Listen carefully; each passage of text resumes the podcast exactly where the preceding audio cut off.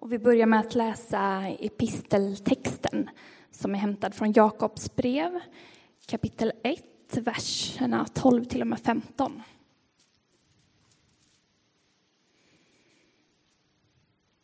Salig är den som håller ut då han prövas. När han har begått provet ska han få det eviga livets segerkrans som Gud har lovat dem som älskar honom. Ingen som blir prövad ska säga att det är Gud som frestar honom. Gud kan inte frestas av det onda och själv frestar han ingen. Blir någon frestad är det alltid av sitt eget begär som han lockas och snärjs. Och när så begäret har blivit havande föder det synd, och när synden är fullväxt föder den död. Så läser vi också dagens evangelietext. Och den finns i Matteus kapitel 16, verserna 21 till 23. Från den tiden började Jesus förklara för sina lärjungar att han måste bege sig till Jerusalem och lida mycket genom de äldste och översteprästerna och de skriftlärda och bli dödad och bli uppväckt på den tredje dagen. Petrus tog honom då avsides och började förbrå honom och sa Må Gud bevara dig, Herre, något sådant ska aldrig hända dig. Men Jesus vände sig om och sa till Petrus Håll dig på din plats, Satan. Du vill få mig på fall, för dina tankar är inte Guds utan människors. Så lyder det heliga evangeliet.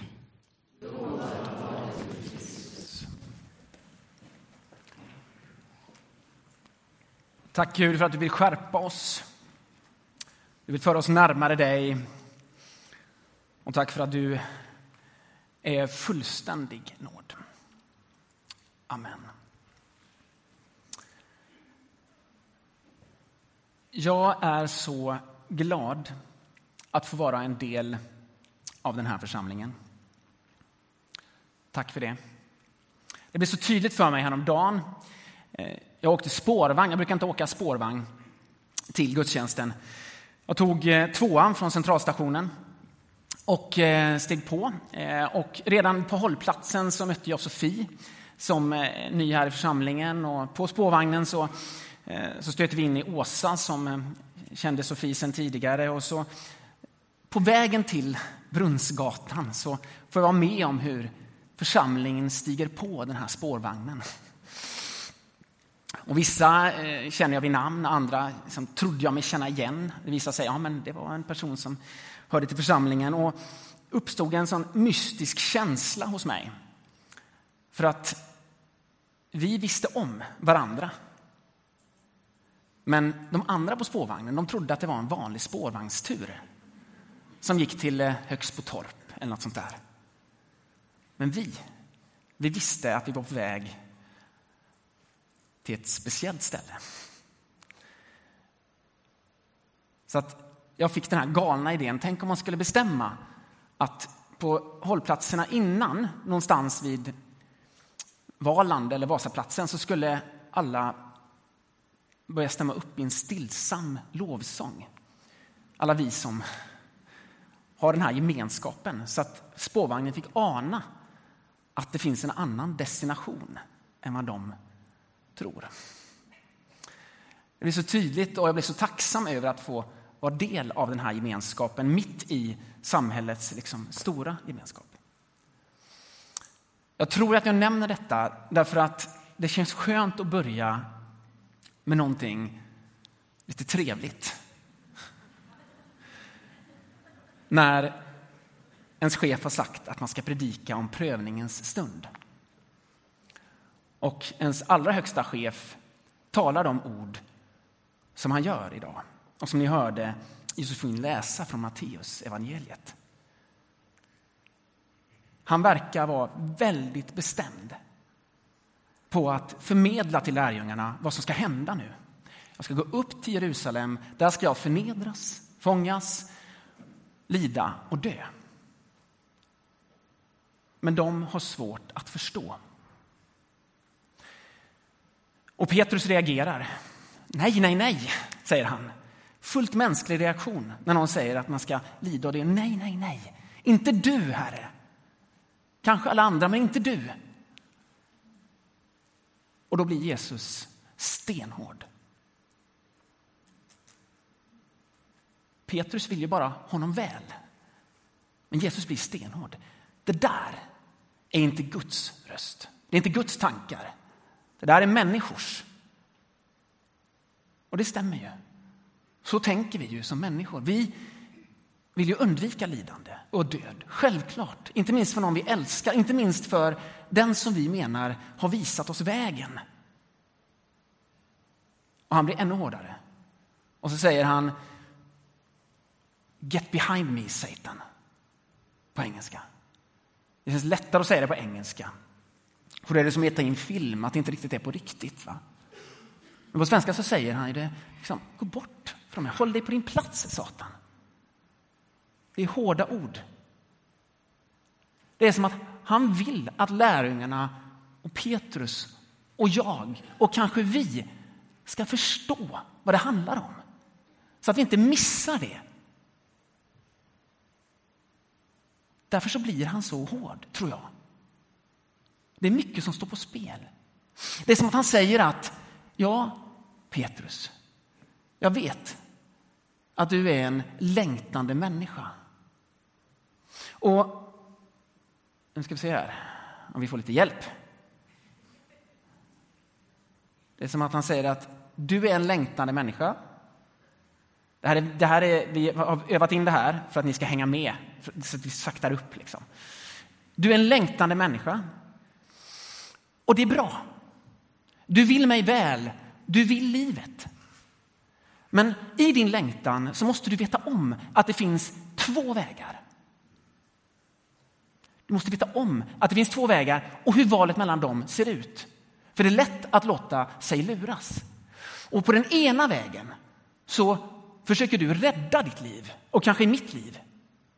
Och på den andra vägen så finns det ett kors. Lidande och död. Och man kan uttrycka det på lite olika sätt. Förra söndagen så läste vi från Johannes 12. Där sa Jesus att man ska hata sitt liv här i världen. Det är så hårt så att eh, man kan inte ta till sig det riktigt och man blir rädd för det. Eller med en sång som eh, några av er kanske har sjungit. Har någon av er sjungit Frank Ådahls Att lämna allt och följa dig kan kosta dig ditt liv? Alltså den här totala radikaliteten som jag vet att många av er har vuxit upp med. Jag har ju vuxit upp i en, en, i en slapp sekulär familj. Så att eh, för mig fanns det ingen sån där radikalitet. Eh, men många av er har gjort det och fått det med er. Och det hör till frikyrkans arv. Den här antingen eller. Och Jesus försöker säga att på den ena vägen så finns det egentligen bara död. Du tror att du räddar ditt liv, men det leder till död. På den andra vägen så finns det evigt liv. Är ni med? Och, och det, här, det här är att, att förstå de här vägarna. Jag skulle säga att det kanske är det som handlar om en, kanske den viktigaste prövningen av allt. Att, att inse, vad är det nu jag står och väljer mellan här? I en konkret situation. Vad är det som står på spel? Och om det är så att den här stunden är viktig, prövningens stund, att valet är viktigt, då behöver vi förstå hur de här vägarna ser ut. Därför lägger Jesus ut detta och Jesu bror, som har skrivit Jakobs brev, man tror att det var Jesu bror, eh, som vi lyssnade på också. Jakob lägger också ut det här för att få de här kristna i förskingringen att förstå. Och då använder Jakob en bild av det. Och Jakob vet ingenting om Vasaloppet. Eh, eh, tror jag. Eh, men eh, den segerkrans som Morakullan springer fram med, eh, det uttrycket kommer från den antika världen. Det var så man korade en segrare. Så Jakob använder det här uttrycket för att få sina eh, församlingsmedlemmar att förstå det är det här som står på spel. Det är evigt liv, det är livets segerkrans, det är liv och åter liv som Eugene Peterson översätter det. Liv åter liv. Och när han ska sätta mer kött på benen till det här vägvalet, då säger han att eh, ni ska vara försiktiga för rikedomen. Rikedomen den verkar ha så mycket liv i sig. Och ni som är fattiga, ni som liksom är tvungna att acceptera er lott, att liksom acceptera er väg. Ni är de lyckligt lottade. För den som är rik löper en stor fara, för rikedomen förtrollar. Den ser så fin ut, men den är som ängsblomman som växer upp och är så vacker, men som vissnar ner snabbare än kvickt. Det håller inte. Och när vi talar om rikedom, då är det väldigt lätt hänt, tror jag, att vi med rikedom förknippar, liksom, det handlar om de superrika. Typ de som flyger ett sånt här Det där tog ju typ kanske en halvtimme av predikoförberedelse. Eh, jag hoppas ni uppskattar eh, det.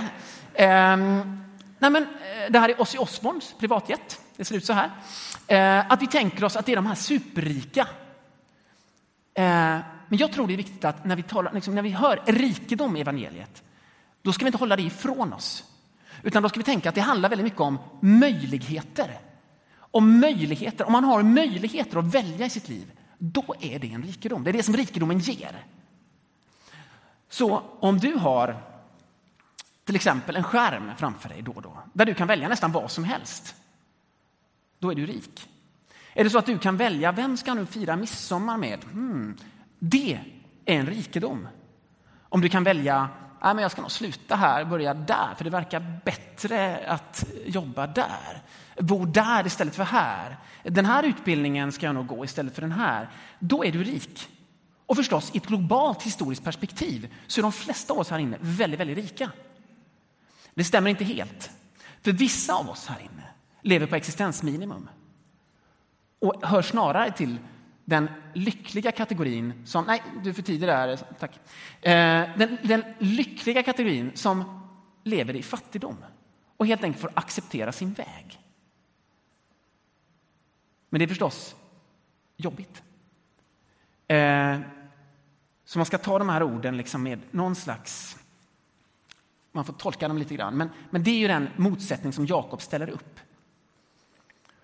Att inte låta sig luras av alla de här möjligheterna. Och jag ser ju att det är det jag i alla fall gör. Jag låter mig luras och tror att min rikedom ligger i alla de här möjligheterna.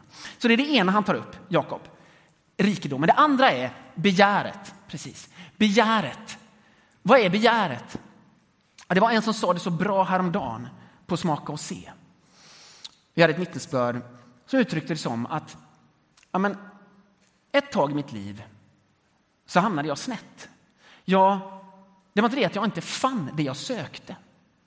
Men det var det att jag sökte inte efter det som jag verkligen längtade efter. Lyssna på den. Jag fann det jag sökte, men jag sökte inte efter det som jag längtade efter. Att begära är att söka efter något som du egentligen inte längtar efter och som inte leder till det liv som du längtar efter utan till någonting annat som leder till synd. Rikedom och begär, se upp för det. Var vaken på det. Träna dig så att du ser det. Okej, okay. Den här kartan vill Jesus och Jakob att lärjungarna och de kristna ska förstå. Det är mycket som står på spel. Det här är viktigt.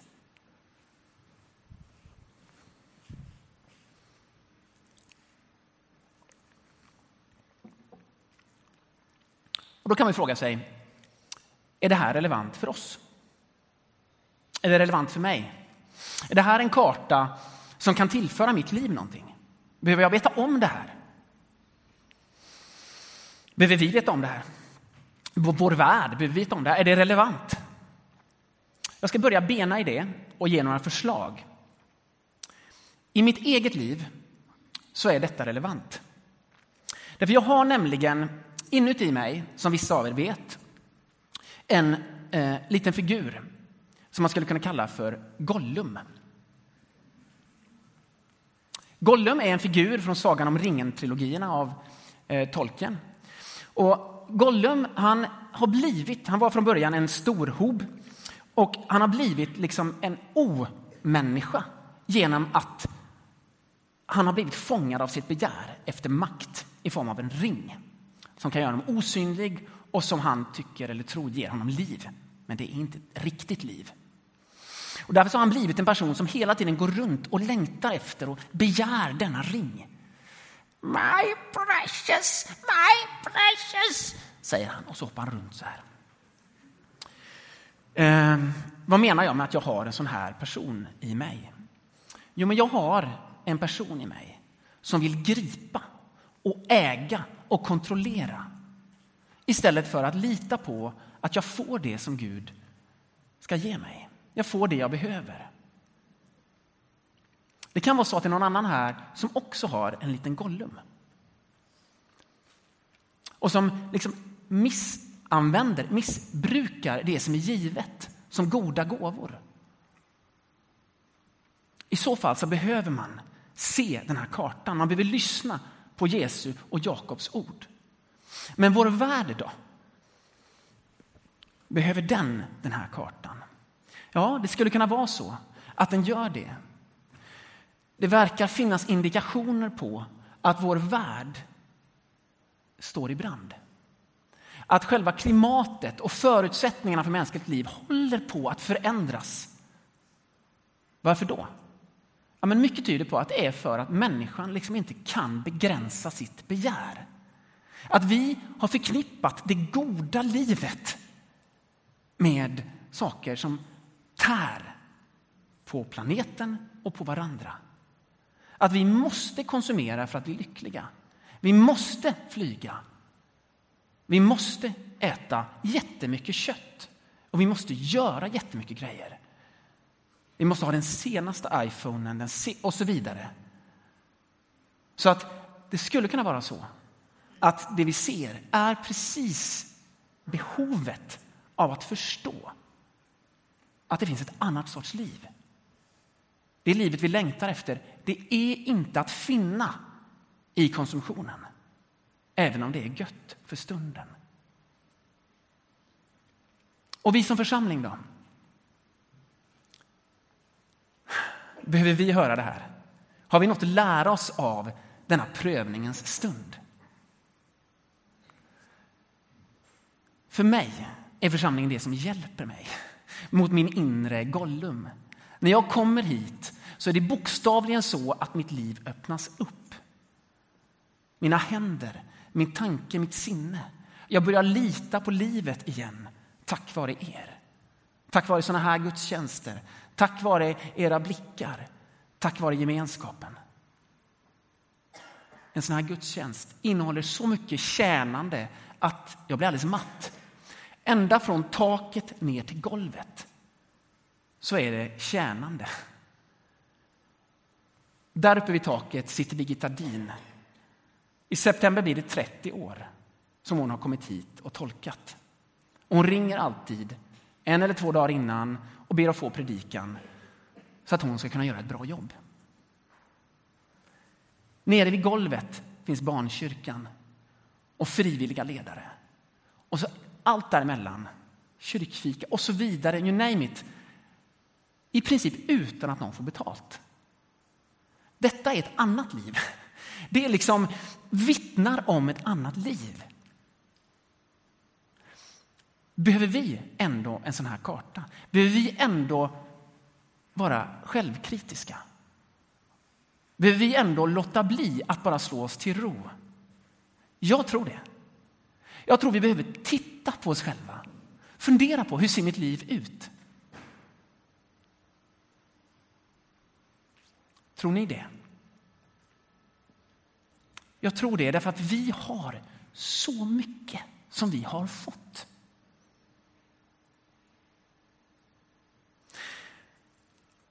Och Vi kan titta på oss själva på olika sätt. Det allra bästa tror jag är att man tittar på sig själv tillsammans med en förtrogen.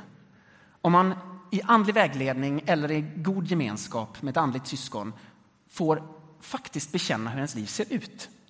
Får lyfta fram ens inre Gollum, eh, hur man hanterar sina resurser, sin tid, sina pengar. Och så får man i ett ömsint samtal fundera på vart är jag på väg? Vilka vägar är det jag väljer? Men man kan också titta på sin församling i ett slags aggregerat, på ett aggregerat sätt. Det är ju farligt. Det vet vi ju. De här indikatorerna som används på många ställen, de kan bli väldigt missvisande. Jag forskar en del om det på mitt andra jobb. Och det kan gå helt snett, så att säga. Men, men det är intressant ändå eh, se om vi kan lära oss någonting. Så jag har tagit fram en sån här indikator. Ett, eh, ska man säga, en ögonblicksbild över en del av vår församling. Och den ser ut så här. Det här är fyra års offrande. Om du inte är van vid den här miljön så betyder offrande hur mycket man ger av pengar. Eh, och då ser vi att den ljusblå linjen där, det är eh, hur mycket, vi, hur mycket pengar vi samlar in per år. Det ligger kring 4,9 miljoner ungefär. Det går lite upp och ner. Så det verkar jättebra. Men så om man lägger till någonting här, om man justerar för KPI, konsumentprisindex, alltså hur mycket våra löner, om du har ett jobb, eh, hur mycket lönerna ökar och hur mycket priserna ökar i samhället. Det vill säga också hur mycket omkostnaderna ökar i församlingen. Så ser vi att givandet då går ner en hel del med flera hundratusen över de här fyra åren. Det här är bara en indikator. Så att man ska vara jätteförsiktig med dem. Eh, därför det kan vara så att vi har fått in många nya församlingsmedlemmar som inte har så mycket pengar. Det skulle vara fantastiskt. Så att säga. Eh, och, då, eh, och så kanske det är några som har flyttat ut i förorten och istället eh, eh ger kollekt till eh, Sävedalens kyrka eller Fiskebäcks kyrka. Sådär. Ehm, eller så kan det vara så att man bestämt sig för att ah, men jag, jag vill ge till Greenpeace och Amnesty också. Så att, eh, vad det säger om oss, det, det är inte säkert att det här säger någonting, men det skulle kunna göra det. Det skulle kunna vara så att det här är ett tecken på att vi är lite för förtjusta i vår egen rikedom. Att våra begär ah, ah, smyger sig in. Va? Prioriteringarna de blir lite... Det skulle kunna vara en sån indikator.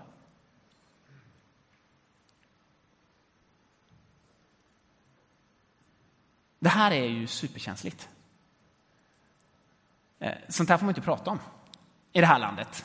Eller hur? Men jag tror det är bra att bara se det i alla fall.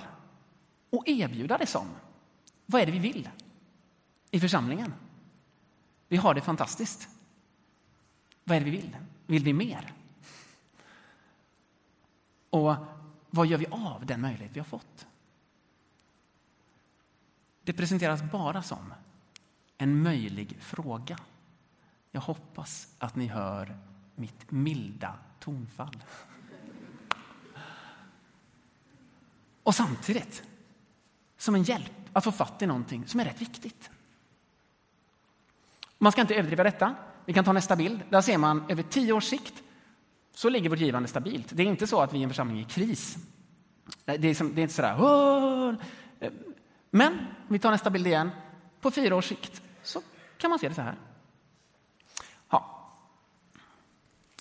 Vi pausar det där. Och så går vi vidare och frågar oss om det nu är så att vi utifrån den här bilden och de bilder som har kommit via Jesus Jakob, via en årsredovisning i Saronkyrkan. Om, om vi då känner en längtan att men jag vill göra någonting av det här. Hur ska vi undvika att hamna i det som vi har sett? Vi skulle kunna kalla det för jojobantning. Vet ni vad jojobantning är? Mina föräldrar, som var fantastiska, jag är så lycklig för dem, de hade ett litet bekymmer eh, med övervikt.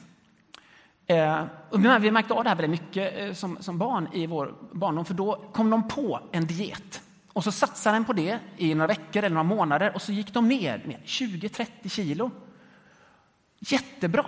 Och sen efter det så slog de sig till ro och så började de gå upp och så tappade de... Och så, och så är det klart att de blev skamsna då. Va? De kunde inte hantera det här. Och så till slut så är de uppe kanske på över den vikt de hade. Och så, vi måste göra någonting och så hittar de en ny idé och så ner igen. Och så upp och så ner. Så med en jojo. Det är inget bra läge. Speciellt inte om det är i förhållande till Gud. Om man gör löften till Gud som är jättestora, om man börjar gå på en andlig diet och sen tappar det.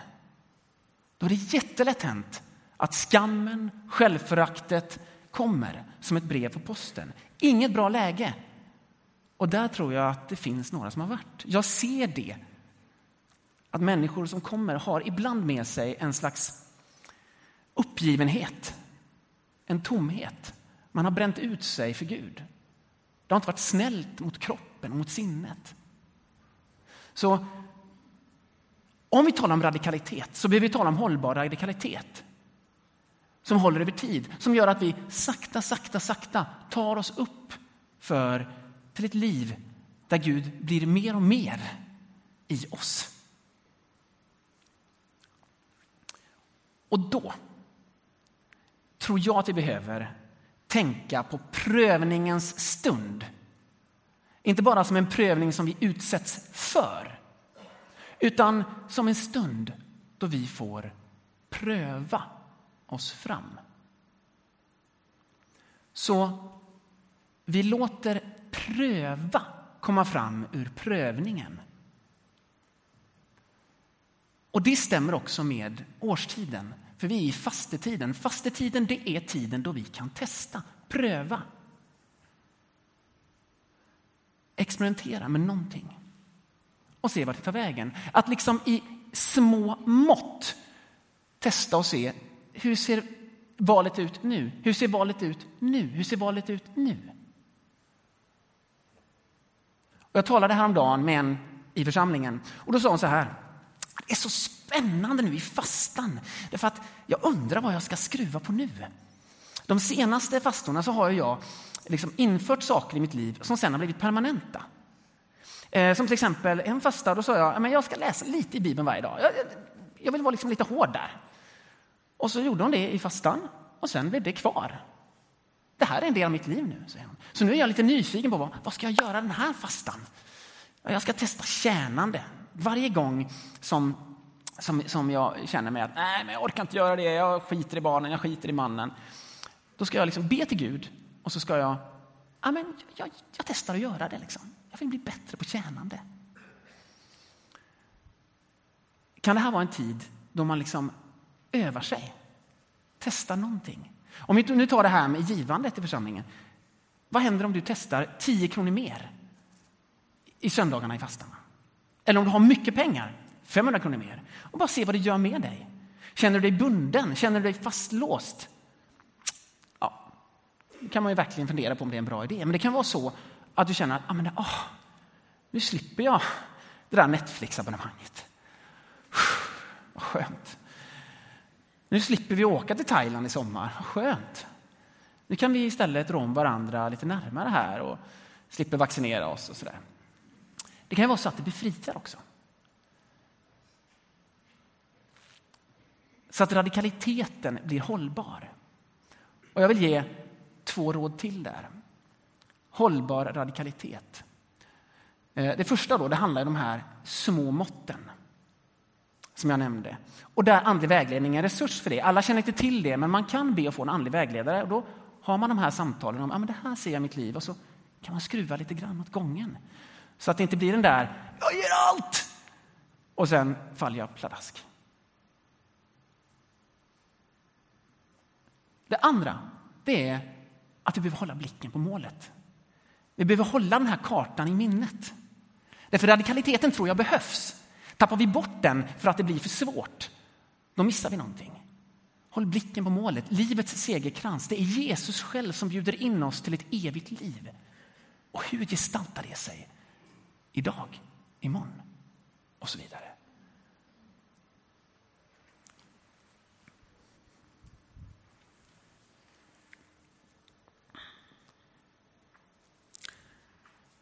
Det tredje